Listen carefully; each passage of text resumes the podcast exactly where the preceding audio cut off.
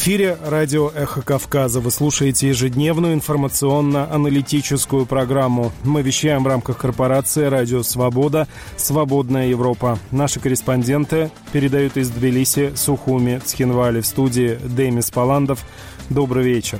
Сегодня в нашей программе Смогут ли Израиль и Хамас прийти к соглашению? Президент США Джо Байден анонсировал сроки прекращения огня в секторе Газа. Правительственные против неправительственных грузинская власть видит в гражданском секторе противника, равного оппозиции. В Абхазии нарастает общественное сопротивление принятию закона об иностранных агентах. Как обычно по вторникам, рубрика «Картинки с выставки». Все это и многое другое слушайте в ближайший час в прямом эфире или на нашем сайте www.эхокавказа.ком. А сейчас с международными новостями из пражской студии моя коллега Кейти Бучуришвили. Генеральный секретарь НАТО Йенс Столтенберг заявил агентству Associated Press, что военный альянс не планирует отправлять войска в Украину.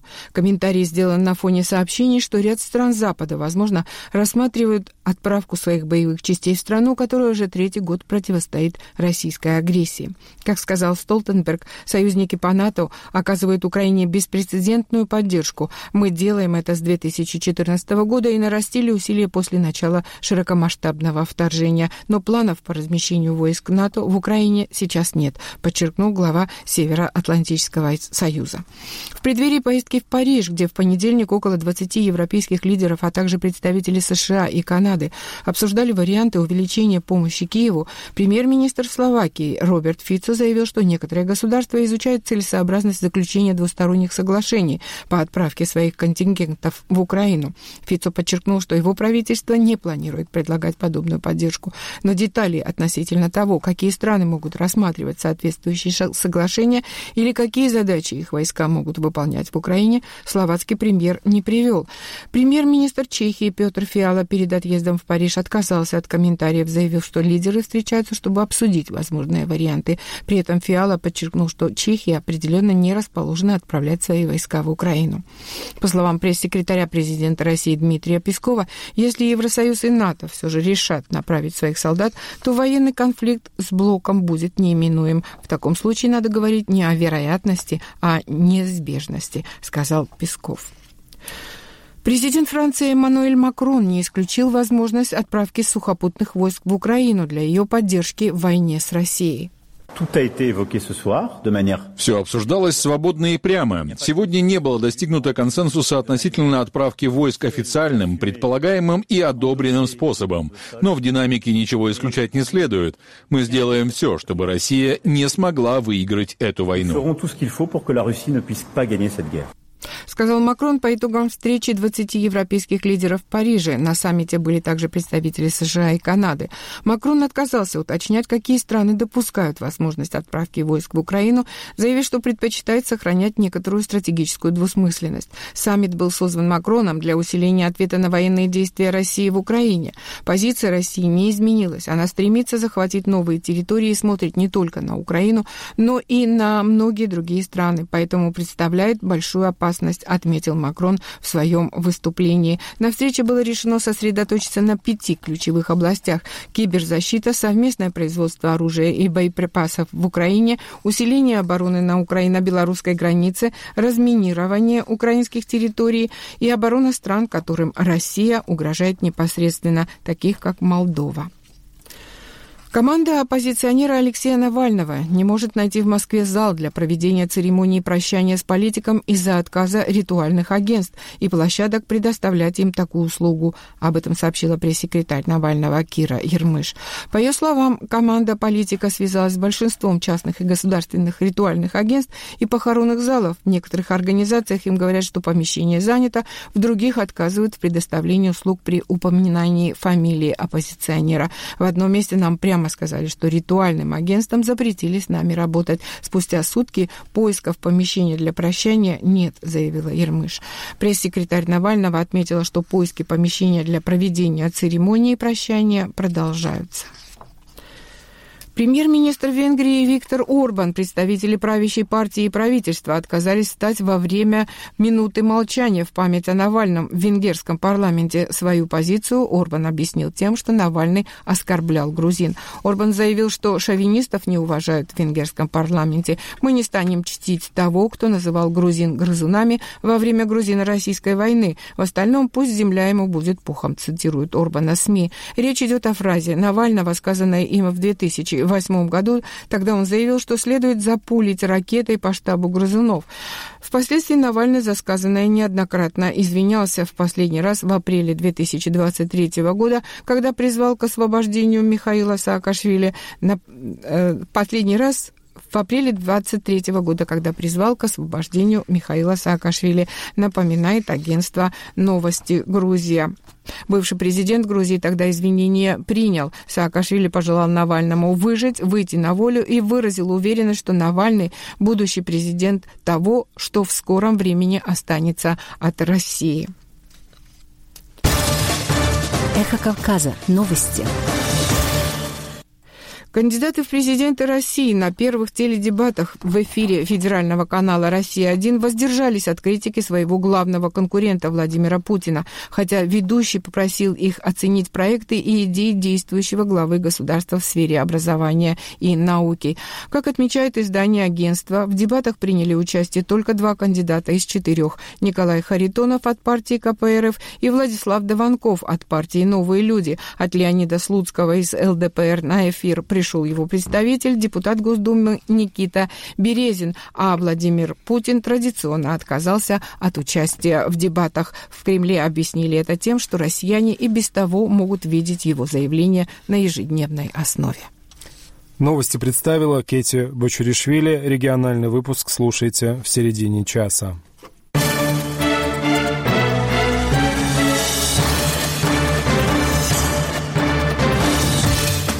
В эфире радио «Эхо Кавказа». Ежедневная информационно-аналитическая программа у микрофона Демис Паландов. Переходим к главным темам. Заявление президента США Джо Байдена о том, что перемирие в секторе Газа должно начаться с понедельника, заставило стороны конфликта и посредников быстро реагировать. Израиль заявил о готовности уложиться в указанный срок, но при выполнении собственных условий, а вот Катар, устами которого говорит Хамас, не столь оптимистичен. Владимир Унанян с подробностями. На сегодняшнем круглом столе, организованном в честь международной Извините за эту техническую накладку, материал еще не появился. Международный день неправительственных организаций «Грузинская мечта» отметила очередным обвинением представителей гражданского сектора в дискредитации власти и финансировании оппозиции. В свою очередь, коалиция 12 неправительственных организаций представила свои предложения для реализации девяти рекомендаций Европейской комиссии. За непраздничными хлопотами дня наблюдал Ираклио Рагвелидзе.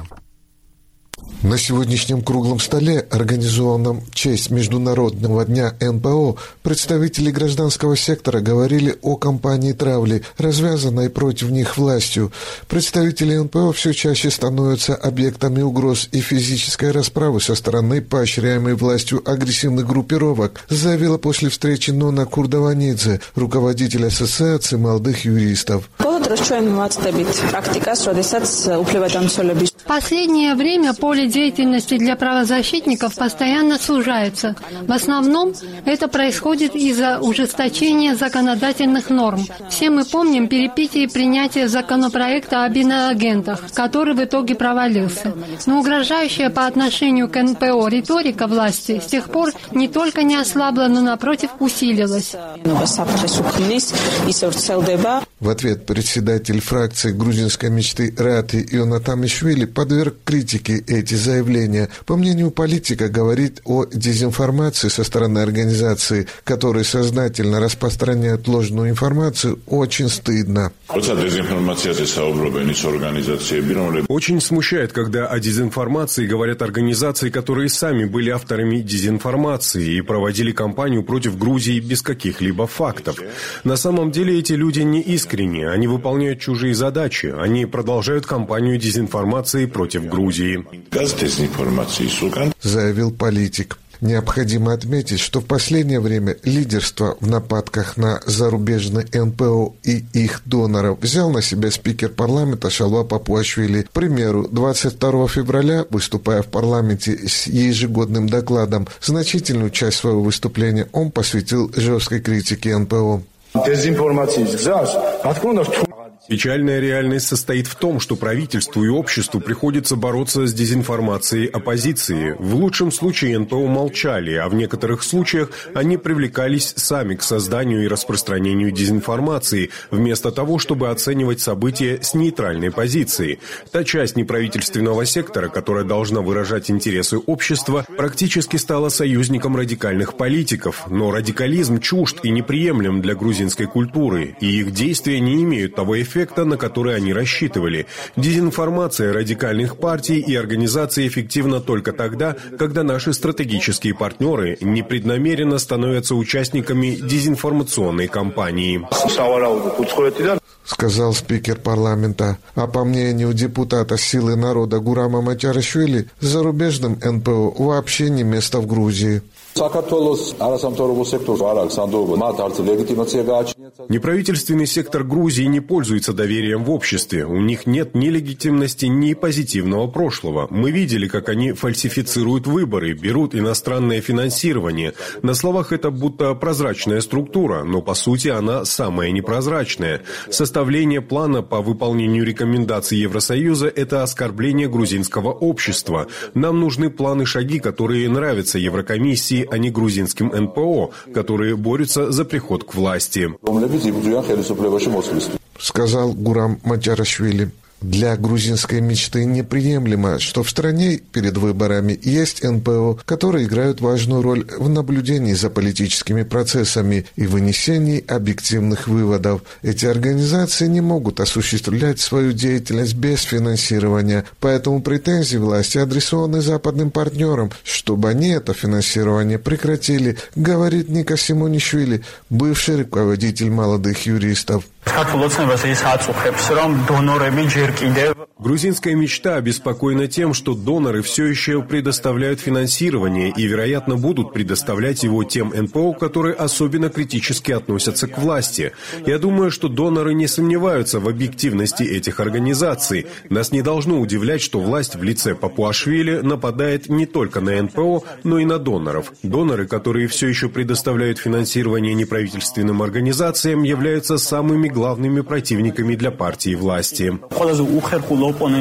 Заявил Симонишвили. Неприкрытое грубое давление на представителей гражданского сектора со стороны партии власти не раз становилось поводом для ответной критики западных партнеров. Вот и сегодня в своей приветственной речи в честь Международного дня НПО посол Евросоюза в Грузии Павел Герчинский заявил о важности неправительственного сектора для укрепления демократии. NGOs play a pivotal role по случаю Международного дня неправительственных организаций позвольте мне подтвердить непоколебимость Европейского Союза в поддержке неправительственных организаций в Грузии. Обеспечение их нормальной работы имеет решающее значение для построения более справедливого, равного и процветающего будущего для всей Грузии.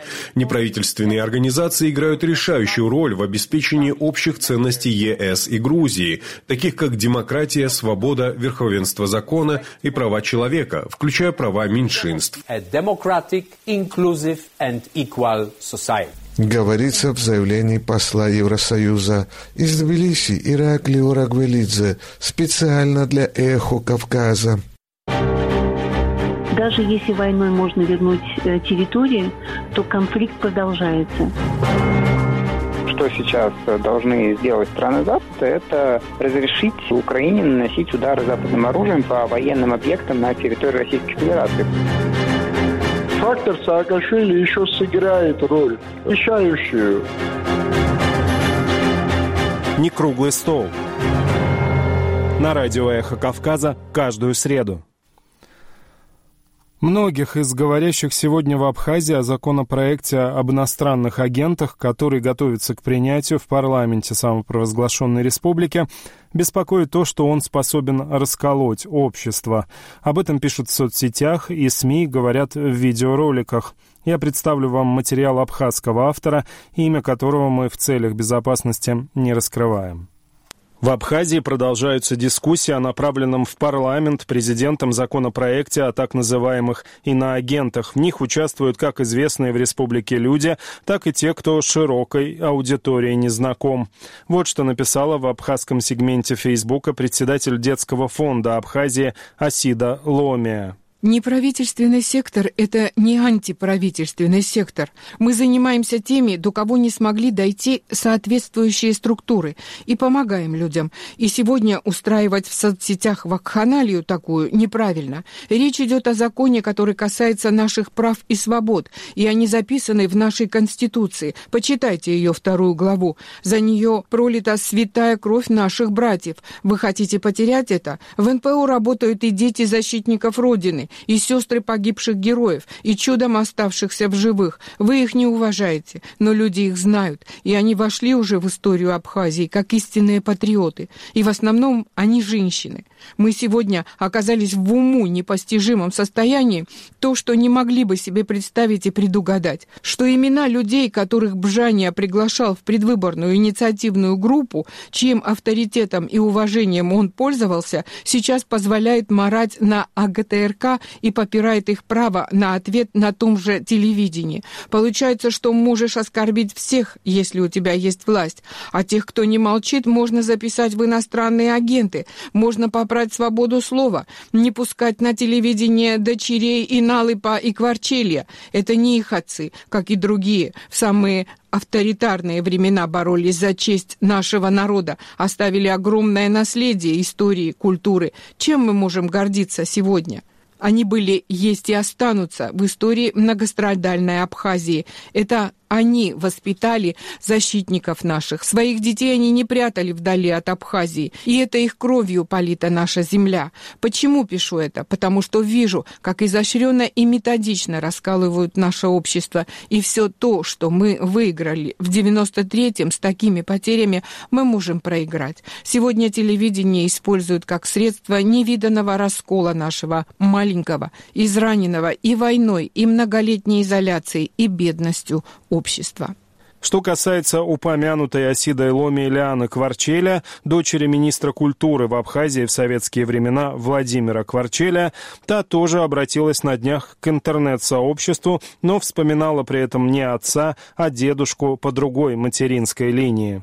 Когда в 1927 году мой дед Владимир Мырзакан Маан опубликовал свой призыв к комсомолу Абхазии, в котором сказал, что грузины ночью приезжают в Абхазию, а утром объявляют себя исконными жителями Абхазии, вышестоящие органы потребовали от Нестора Лакобы наказать моего деда по всей строгости того времени. Что сделал Лакоба? Отправил моего деда учительствовать Джгярду, подальше от глаз вездесущего НКВД. Кстати, учеником моего деда был великий абхазский поэт Баграт Шинкуба. Вот так Лакоба спас моего деда в далеком 1927 году, но через 14 лет, когда Лакоба уже не было в живых, моего деда, научного сотрудника АБНИ, все равно расстреляли. Сфабриковали дело, обвинили в шпионаже, реабилитировали после смерти Сталина. Лидер своего народа рискует собой, временщик рискует своим народом. В свою очередь, председатель партии экономического развития Абхазии Тея Аршба написала в соцсетях о своих родственниках, наших современниках. Вчера я случайно встретила человека из правительства, и он иронично, сам не особо веря в подобное, поздравил с тем, что моя двоюродная тетя теперь в списке иноагентов. Вечером я позвонила тете и спросила, расстроилась ли она. Она ответила спокойно. Я ничего не делала против Абхазии, чтобы расстраиваться. Я рада ее настрою и горжусь ее непоколебимостью в отношении своей страны, как и горжусь ее родным братом, который ушел воевать в 15 лет, не бегая после войны за трофеями, не занимал дома и участки и не продавал их тайно иностранным гражданам, не выпрашивал деньги у различных фондов и не выпрашивал награды у государства. Никогда не любила об этом говорить, но сейчас я рада, что в последнее время мы слышим о восстановлении и пополнении государственного архива.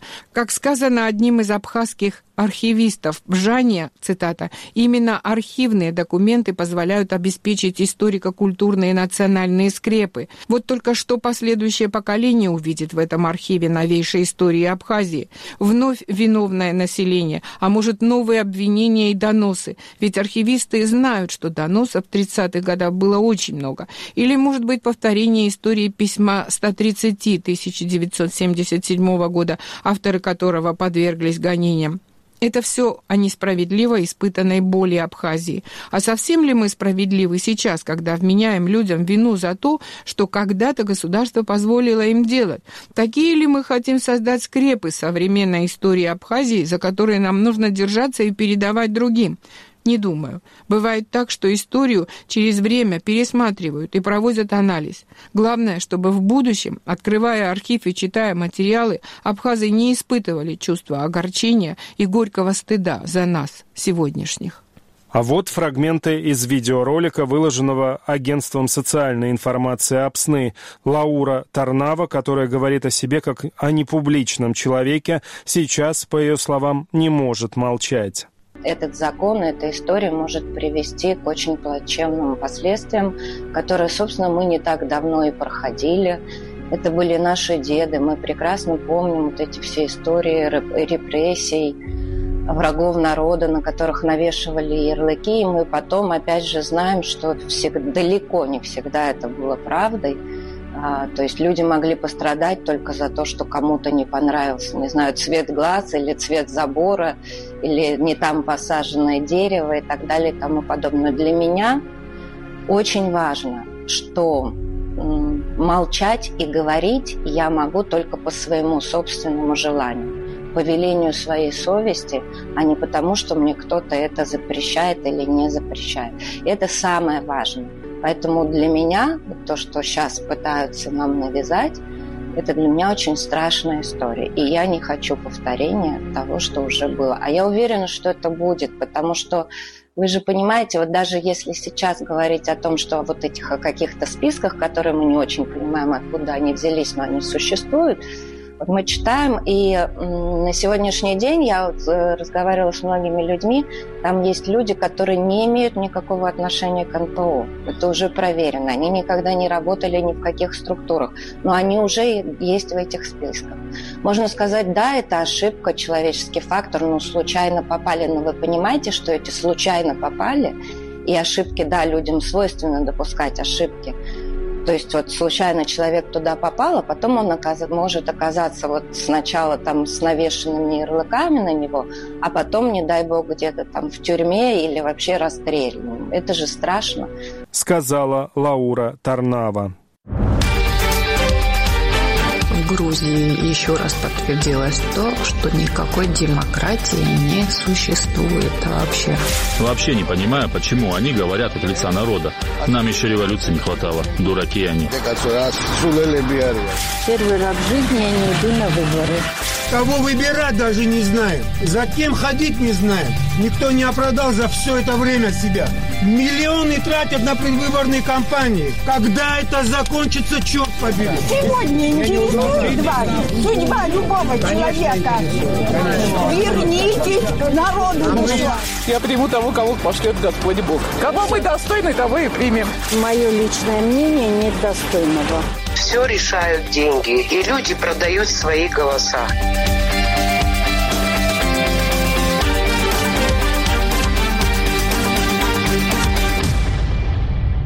Голоса на эхо Кавказа.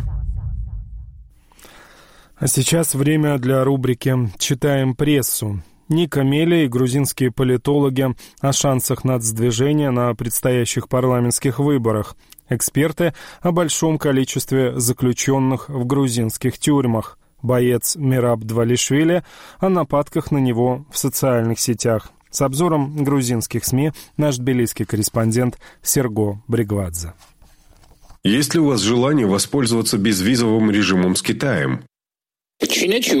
Я бы отправился в Китай без виз. Почему бы и нет? Повидать Китай очень интересно. Это другая культура, другая цивилизация, и, конечно, очень интересно увидеть и ознакомиться со всем этим. Ничего не вижу плохого из сближения двух стран, хоть в экономическом, хоть на политическом уровне. Но здесь мы все же должны придерживаться золотой середины. То есть не должно произойти так, что мы станем полностью зависимы от Китая экономически или во внешних делах. Здесь просто необходима диверсификация. Стратегическое партнерство хорошо, но это не означает, что мы должны придерживаться только этого вектора. Завтра или послезавтра это приведет к плачевному итогу, если у нас не будет чего-то противовес этой стране. Конечно, дружба со всеми – это очень хорошо. Но зачем все это представлять как нечто, чего мы добивались годами, вроде вступления в Евросоюз? Ну, приняли безвизовый режим, и что? Все сейчас туда поедут жить или отдыхать? У меня, например, нет никакого желания. Что за сравнение Китая с США? Америка финансирует Грузию всячески и во всем помогает нашему государству, чего от Китая я не вижу. Китайские инвесторы лишь выбивают прибыль из Грузии, и все.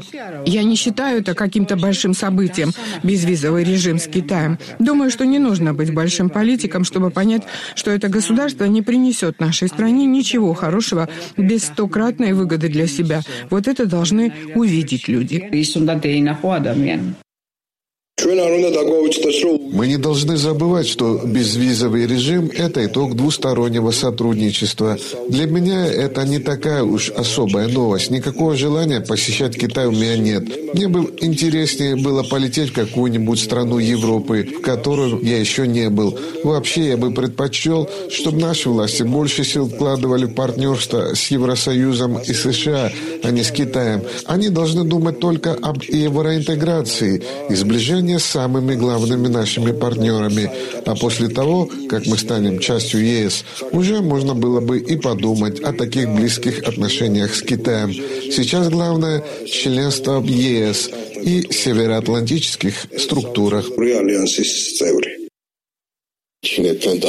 Сближение с Китаем не несет никакой выгоды для граждан Грузии. Ввели безвизовый режим, и что? Этим могут воспользоваться только сами члены грузинской мечты. Рядовые граждане страны не смогут позволить себе поездку в Китай, а богатые, думаю, и с вызовым режимом без проблем летали туда.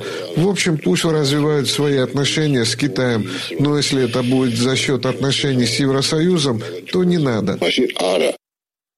Принятие безвизового режима для граждан Грузии, честно говоря, действительно заставило меня задуматься о том, что, возможно, было бы неплохо отправиться в Китай. Это одна из самых древних стран в мире, знаменитая своей культурой и традициями. Я совершенно ничего плохого не вижу в сближении наших стран, особенно с экономической точки зрения. Впрочем, самое главное – это то, чтобы этот фактор не замедлил темп сближения Грузии с Евросоюзом. Это единственное, из-за чего я переживаю. Ничего другого отрицательного я в этом не вижу.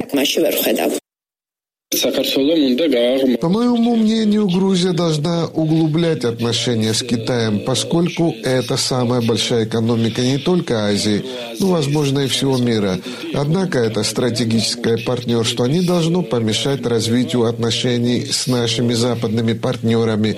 Конечно, безвизовый режим – это хорошо, но это не решение всех задач Грузии. Я слышал, что новый премьер-министр заявил, что отношения с США стали более напряженными, чем с Китаем. Так это как раз то, чего не должны делать члены мечты. Отношения с США сейчас самое важное. В общем, власти должны себя вести умнее, чтобы не сжечь ни шашлык, ни шампур. Считаю, что безвизовый режим с Китаем – отличное решение. Я давно мечтаю побывать в этой стране, и, наверное, это ускорит процесс. Считаю, что в туристическом направлении развивать отношения между нашими странами было бы очень хорошо. Грузия и Китай – две страны с древнейшей историей. И думаю, нашим туристам было бы интересно побывать там, как и их туристам у нас в стране.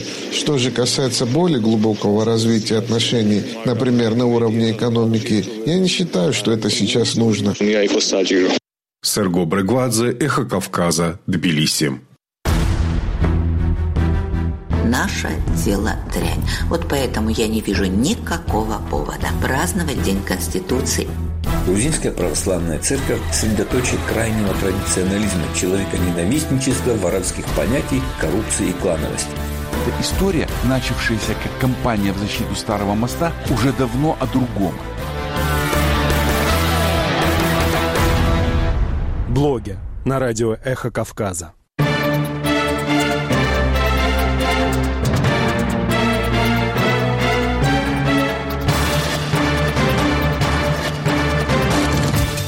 В эфире радио «Эхо Кавказа» вы слушаете ежедневную информационно-аналитическую программу. Краткий региональный выпуск новостей представит Кейти Бочуришвили. Москва настаивает на переносе женевских дискуссий в другую локацию, рассказали президент самопровозглашенной республики Абхазия Аслан Бжани и глава абхазского МИДа Инал Ардзенба. Речь идет, в частности, о Минске и Баку. Представляя абхазскому лидеру отчет о деятельности министерства за 2023 год, Ардзенба заявил, что Грузия отказывается от политического диалога и подписания взаимообязывающего соглашения о неприменении силы. Сегодня российская сторона ставит очень важный вопрос, касающийся переноса переноса женевских дискуссий из Женевы в другую локацию. Это связано с тем, что Женева все меньше может обеспечивать равные условия для всех участников переговорного процесса, добавил Арценба. Аслан Бжания говорит, что данный вопрос во время встречи затронул глава МИД Российской Федерации Сергей Лавров. Что касается женевских дискуссий, на самом деле на последней встрече с господином Лавровым он говорил о том, что эта площадка во многом себя, скажем так, исчерпала. Поэтому он спросил, не возражает ли абхазская сторона, чтобы продолжилась работа по поиску более подходящей. По словам Арденба, речь идет в том числе и об Азербайджане. Парламент самопровозглашенной Республики Абхазия на заседании 28 февраля планирует рассмотреть и утвердить изменения в Уголовный кодекс, связанные с клеветой. Об этом сообщает нужная газета. Вице-спикер парламента Астамур Аршба заявил, что планирует поддержать поправки. «Да, мы намерены протащить завтра этот закон в первом чтении», — сказал он. Вице-спикер парламента Ашут Минасян отказался озвучивать свое мнение по законопроекту. «Свое мнение я озвучу завтра на сессии. У меня есть такое право», — отметил он. Депутат Ахра Пачулия говорит, что сомневается в необходимости принятия поправок, которые, по его словам, вызывают большие сомнения.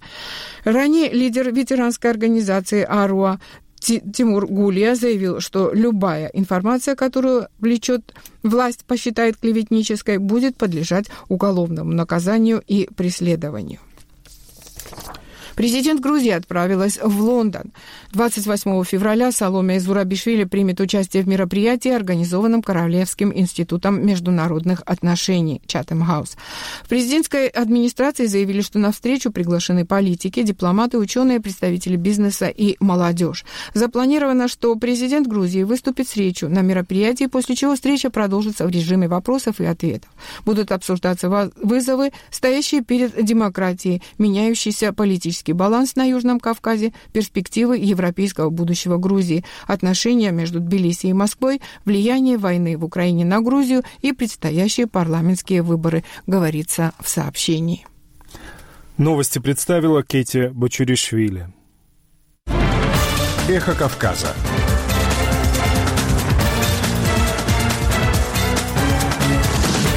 Репортажи, экспертные оценки – социальные и культурные новости. Из Тбилиси, Сухуми, Схинвали. Наш адрес в интернете – эхокавказа.ком Эхо Кавказа. В эфире радио «Эхо Кавказа» в студии Демис Паландов. Продолжаем нашу ежедневную информационно-аналитическую программу. Международная тема. Заявление президента США Джо Байдена о том, что перемирие в секторе Газа должно начаться с понедельника, заставило стороны конфликта и посредников быстро реагировать. Израиль заявил о готовности уложиться в указанный срок, но при выполнении собственных условий. А вот Катар, устами которого говорит Хамас, не столь оптимистичен. Владимир Унанян с подробностями подробностями. Перемирие в секторе газа можно ожидать с будущего понедельника. Смелое предположение высказал президент США Джо Байден. По словам американского лидера, стороны близки к тому, чтобы Израиль и Хамас, признанные террористической организацией в США и ряде других стран, заключили сделку, подразумевающую прекращение огня на время священного для мусульман месяца Рамадан в обмен на освобождение заложников. Мы близки к этому, мы еще не закончили. Я надеюсь, что к следующему понедельнику мы добьемся добьемся прекращения огня. При этом Байден уточнил, что израильтяне согласны на то, что не будут вести боевых действий с 10 или 11 марта, дав таким образом время для того, чтобы посредники добились освобождения заложников. Ранее сообщалось, что в ходе переговоров в Париже и Каире речь шла о по меньшей мере 40 удерживаемых в Газе израильтянах и гражданах других стран. Это женщины, дети, женщины-военнослужащие и пожилые больные люди. В канцелярии премьер-министра Израиля со своей стороны сообщили, что готовы к заключению сделки, если Хамас вернется к реальности и откажется от бредовых условий. We will continue to do everything to release the 130 мы продолжим делать все, чтобы освободить 134 заложника, которые все еще удерживаются террористической, варварской организацией Хамас, и вернуть их семьям. Израиль продолжает контактировать со странами-посредниками, чтобы сформировать рамки для их освобождения. За минувшие выходные делегации были направлены в Париж и Даху, и премьер-министр представил кабинету следующие шаги в переговорах. Израиль обозначил свою волю на продолжение процесса. Вопрос в том, есть ли такая воля у Хамаса? Бредовые требования Хамаса – это орбита другой планеты. Если Хамас вернется к реальности, то сделка возможна. Мы хотим получить назад наших людей. We want our stolen people back заявила представитель правительства Израиля Таль Генрих. 27 февраля на встрече в Париже эмир Катара шейх Тамим бин Хамад Аль-Тани должен представить посредникам ответ Хамаса, с главой политбюро которого Исмаилом Хани он до этого встречался в Дохе. При этом в Катаре не разделяют оптимизма американского президента. Представитель МИДа страны Маджет Аль-Ансари дал понять, что ни о каком прорыве речи пока не идет.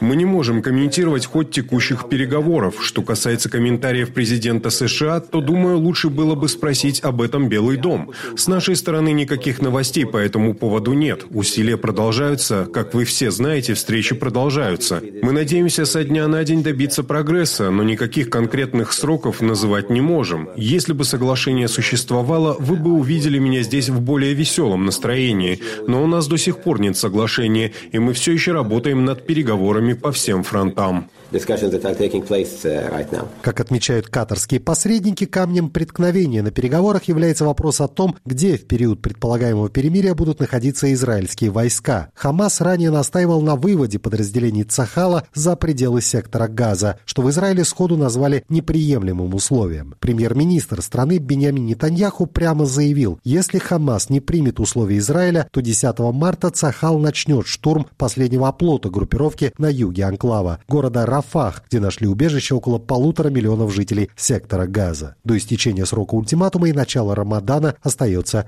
меньше двух недель. Uh, Мы видим положительную траекторию, судя по тому факту, что встречи происходят, но нам еще предстоит достичь окончательного соглашения, о котором, мы надеемся, мы сможем объявить до начала Рамадана. Мы говорим о гуманитарной паузе, которая ослабит напряженность, что позволит нам доставить больше помощи в Газу, и это позволит нам начать процесс деэскалации.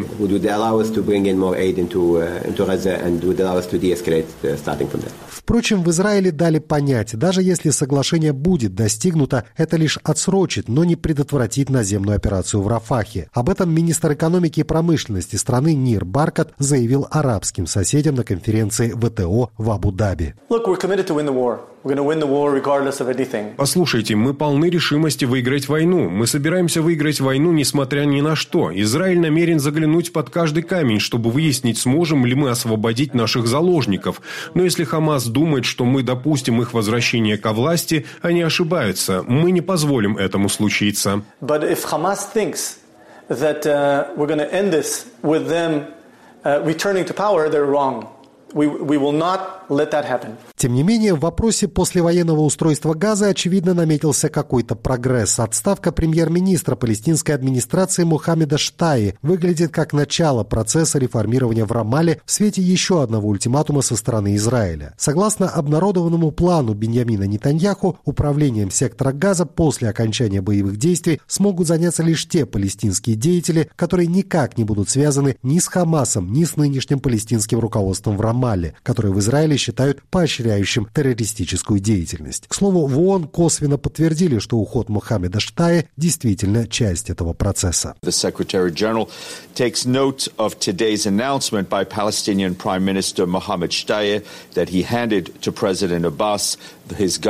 Uh. Генеральный секретарь принял к сведению заявление премьер-министра Палестины Мохаммеда Штайи о том, что он передал президенту Аббасу заявление об отставке своего правительства.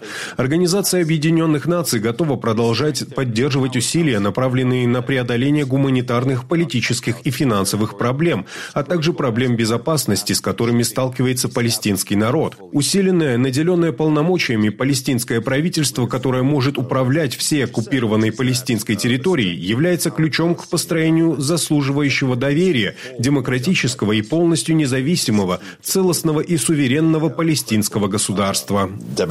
fully independent, contiguous, and sovereign Palestinian state. Заявил представитель генсека ООН Стефан Дюжарик. Впрочем, несмотря на все усиливающееся давление со стороны союзника во главе США, Израиль не готов обсуждать вопрос создания палестинского государства. Премьер-министр страны Беньямин Нетаньяху последовательно выступает против такого развития событий, приводя в пример то, во что превратился сектор Газа под управлением Хамаса. Все эти годы, по словам Нетаньяху, де-факто являвшимся независимым палестинским государством. Well, unfortunately, I think that what they want is a, is a one-state solution. They don't want a state next to Israel. They want a state К сожалению, я думаю, что чего они хотят, это принцип одного государства. Они не хотят быть рядом с Израилем, они хотят быть вместо Израиля. У нас уже было палестинское государство. Де-факто государство. Хамас имел в Газе де-факто палестинское государство. И что они этим сделали? Они использовали это для насилия над женщинами, для обезглавливания женщин, для сжигания детей живьем, для убийства детей на глазах родителей и убийства родителей на глазах детей, для захвата заложников, вот что производит такое государство. Тем не менее, заявление американского президента о том, что стороны близки к заключению сделки, позволяют предположить, что Хамас все же готов на уступки. Запертые на юге анклава боевики и их лидеры, вероятно, попытаются использовать возможное перемирие для перегруппировки или ухода в глубокое подполье, постаравшись раствориться в более чем двухмиллионном населении сектора Газа. Но и Израиль, видимо, готов отложить операцию в Рафахе в надежде освободить как можно больше заложников. При всей жесткости подхода Бенямин Нетаньяху не может открыто отказаться от возможности освободить собственных граждан, даже если это существенно усложнит достижение главной цели войны – уничтожение Хамаса. Владимир Унанянц для «Эхо Кавказа», Тбилиси. В каждую героиню я вкладываю частичку себя, без этого не получится.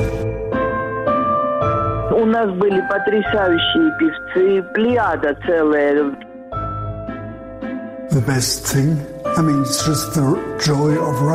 Лучшее – это удовольствие, которое ты получаешь, когда пишешь. Картинки с выставки. Каждый вторник на радио «Эхо Кавказа». Время для рубрики «Картинки с выставки». На днях в Парижской государственной опере состоялась премьера оперы Джузеппе Верди «Набука». Главную партию в ней исполнял грузинский оперный певец Николос Лагвилава. Сегодня он – гость нашей рубрики «Картинки с выставки».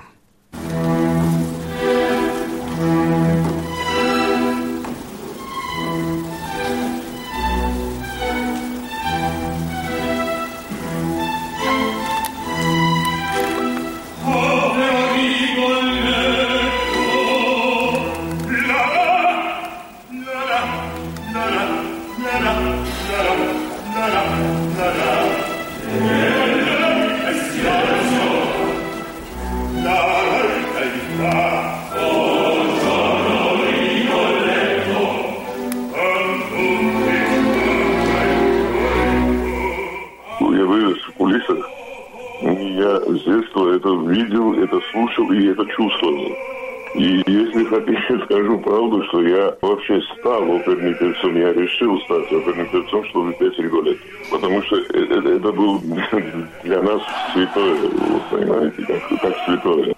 Это самая сложная партия для баритона. Это пик. И по вокалу, и, и по характеру. Это марафон. Начинается и не кончается. Три акта я всегда себе говорю перед Риголетто, ты не человек, ты животное. У меня и отец, знаменитый Риголетто в Грузии, был ведущим баритоном Лисского театра. И, и это у нас семейное.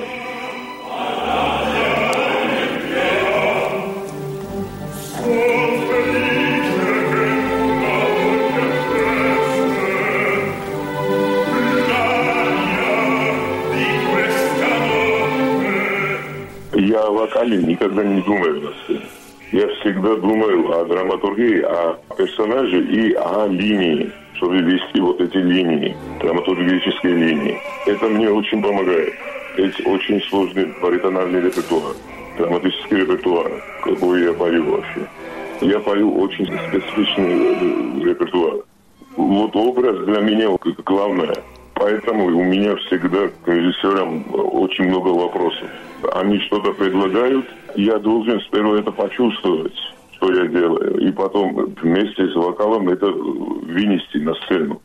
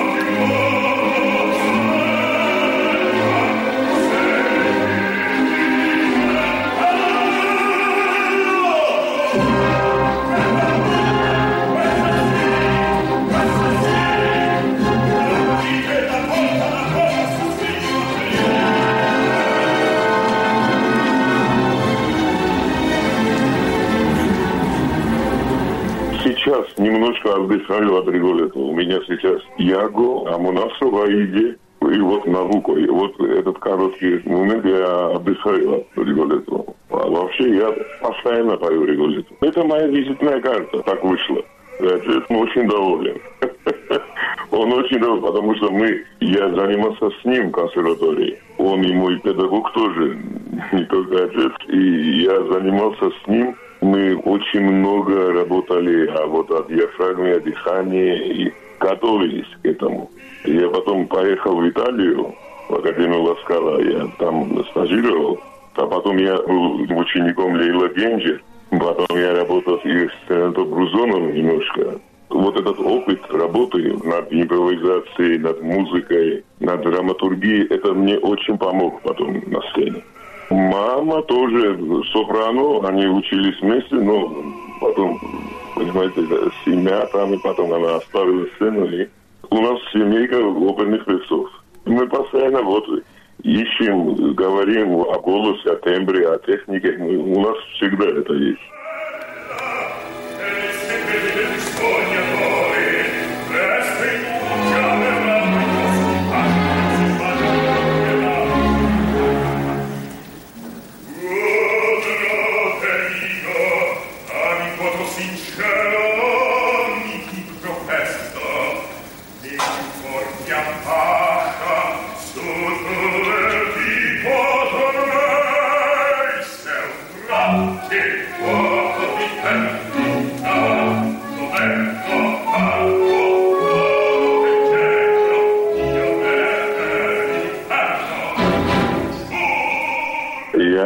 Любитель старой школы. Я обожаю черно-белое все. И в опере я обожаю черно-белое.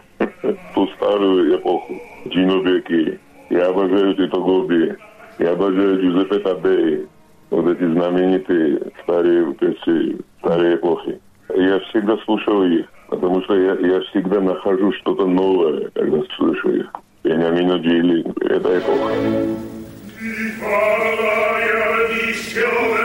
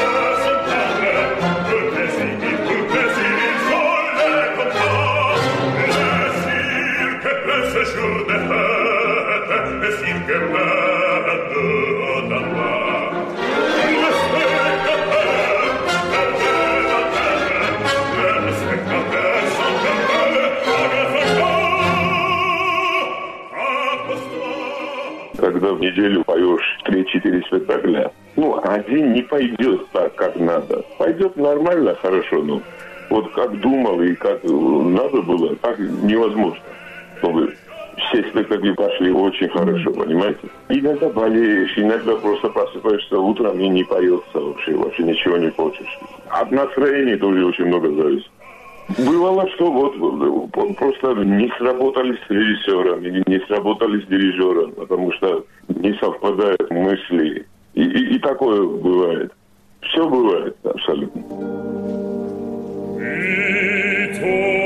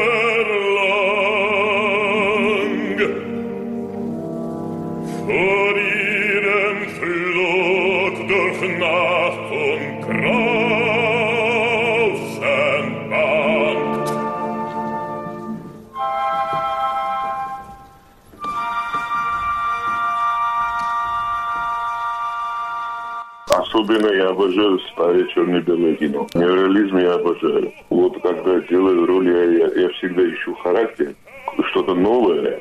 И вот когда я смотрю на этих гениальных актеров старой школы, это мне очень помогает. Последний раз я смотрел этот Квазимоду Чарльза Лоутона, гений просто. Ну, и ну, там немножко концовка хэппи-энд. Почему-то так решили, что кончается все хэппи-эндом, но Чарльз Лоутон, этот знаменитый исторический э, английский актер, так играет Квазимоду, что ну просто ну, даже вот характер очень помогает мне потом и в Риголетто, и вот вообще тонус большой очень. И я драму обожаю, драматический театр очень. У меня и друзья, большие друзья в драматическом театре stratagemma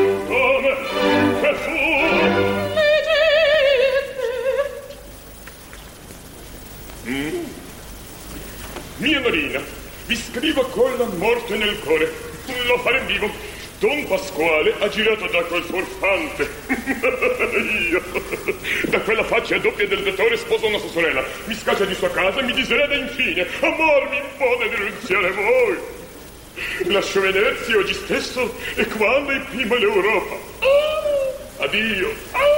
Siate felici. Oh, questo è l'ardente mio voto. Il vostro Ernesto. Сегодняшняя Тульская опера очень хорошо, что вот руководит Владимир Майстров и помогает молодым, очень молодым начинающим певцам, и он работает с ними. Голоса есть, но они должны пройти эти этапы, потому что наша профессия обожает пройти этапы. Потихоньку, потихоньку, ни в коем случае нельзя спешить, а то потом будет очень тяжело. Есть, есть, ребята, есть. А и они работают с педагогами. Думаю, что они достигнут, дойдут до конца.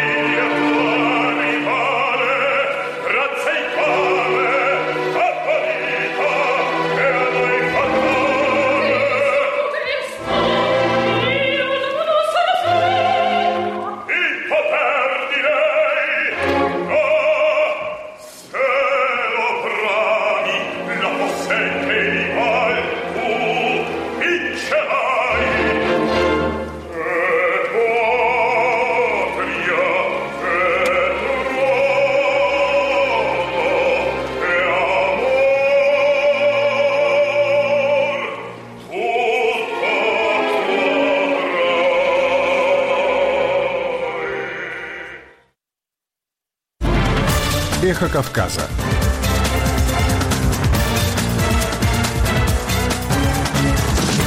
Репортажи, экспертные оценки. Социальные и культурные новости.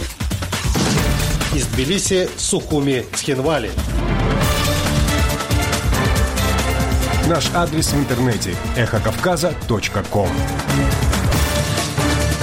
Эхо Кавказа.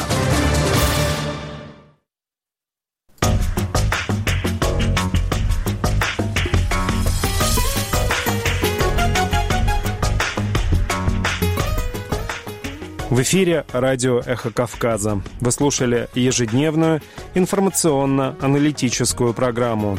Мы вещаем в рамках корпорации «Радио Свобода. Свободная Европа». С вами был Демис Паландов. Всего вам доброго. До завтра.